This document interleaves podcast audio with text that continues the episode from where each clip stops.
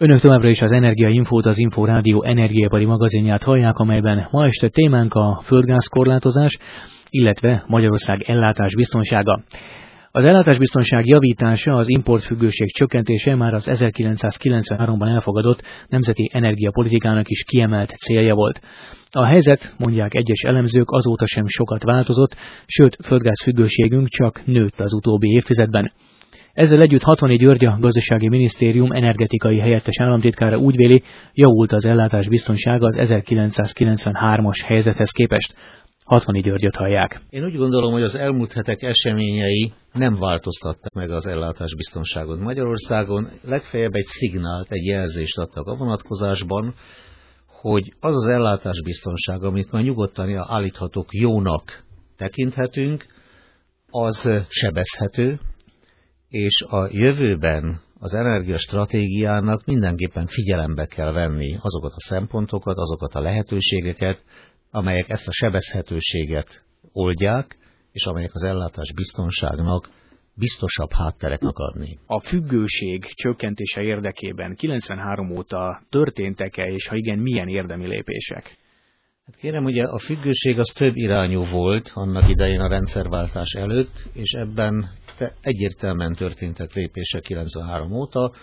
Ha belegondolunk, létezett annak idején a KGST Egyesített Villamosenergia rendszere, és ebből a villamosenergia rendszerből Magyarország az ország villamosenergia szükségletének több mint 20%-át importálta, elsősorban ugye a 750 kV-os és a 2400 kV-os vezetéken keresztül, annak idején deklaráltan is a 750 kV-os vezeték erőmű pótló vezetékként épült.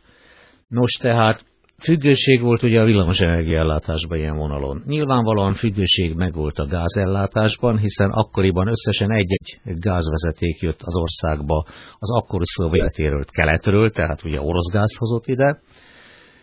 Ezen túlmenően az energiaellátásban más szignifikáns függőség nem volt, ha csak nem nevezzük függőségnek az orosz fűtőelemmel működő, vagy az akkor szovjet fűtőelemmel működő paksi atomerőművet.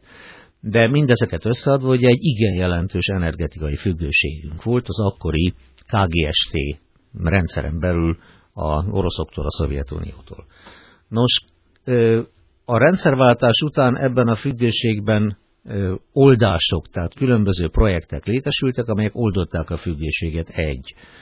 Ugye a KGST Egyesített Villamosenergia rendszere összeomlott, Magyarország az UCPTE, majd később ugye UCTE-re keresztelt Nyugat-Európai Egyesített Villamosenergia rendszer integráns tagja lett, párhuzamos üzemben járunk vele, tehát az orosz import függőség villamosenergiában megszűnt. Nota bene, ma Magyarország erőművi kapacitása akkora, hogy minden import nélkül el tudja látni az országot villamosenergiával, a szükséges tartalékokkal együtt, az import tehát csak üzleti alapon jön be az országba. Másodszor a gázvezetékek vonatkozásában meglépült a HAG, tehát a Baumgarten Győr közötti magyar-osztrák gázvezeték, ami ugye a Rúrgáz rendszerrel köti össze a magyar rendszert, tehát a keleti függőség ebben a vonatkozásban is technikai lehetőségként megteremtődött, tehát a függőség oldása technikai lehetőségként megteremtődött, madrészt pedig a paksi atomerőmű is ma tulajdonképpen a világon bárhonnan beszerezheti a fűtőelemet, a yellowkéket, ugye a sárgaport, Üzleti kérdés az, hogy hol a legolcsóbb. Ma épp a legolcsóbb az orosz, tehát onnan szerzi be akkor vannak, akik úgy vélik, és az elmúlt heti adásunkban épp a MOL vezető közgazdásza Varó László tett arra egy elég markáns utalást, hogy az alacsonyan tartott gázárakkal a politika az elmúlt másfél évtizedben folyamatosan arra ösztönözte a lakosság, hogy álljanak át gázra minden más tüzelőanyagról, és hát a villamosenergia szektorban is egy jelentős növekedést látunk a gázfelhasználásban. Nem növelte ez, vagy nem teremtett ez másfajta kockázatokat az energiagazdaságban? Nézze, az tény, hogy a gázfelhasználás az elmúlt két évtizedben Magyarországon folyamatosan nőtt. Jelen pillanatban ugye meghaladja a primer energiahordós struktúra a 40%-ot. Ez európai viszonylatban is magas részarány.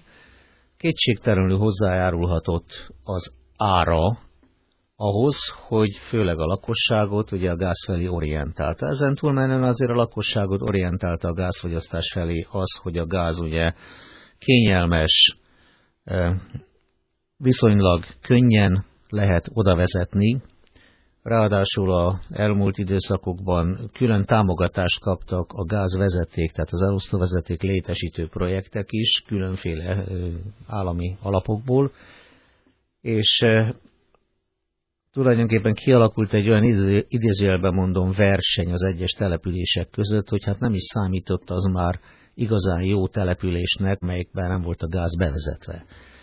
Tehát mindez azért hatott afelé, hogy a gázfogyasztás Magyarországon ma arányát tekintve viszonylag magas. Az erőművi felhasználás tekintetében én ezt nem, jelen, nem tartom kiugróan kiemelkedően magasnak, pláne akkor, ha azt figyelembe vesszük, hogy a nagy erőművek azok tulajdonképpen bivalens tüzelésiek, tehát ugyanazt a blokkot nem csak gázzal, hanem tüzelőolajjal is lehet üzemeltetni.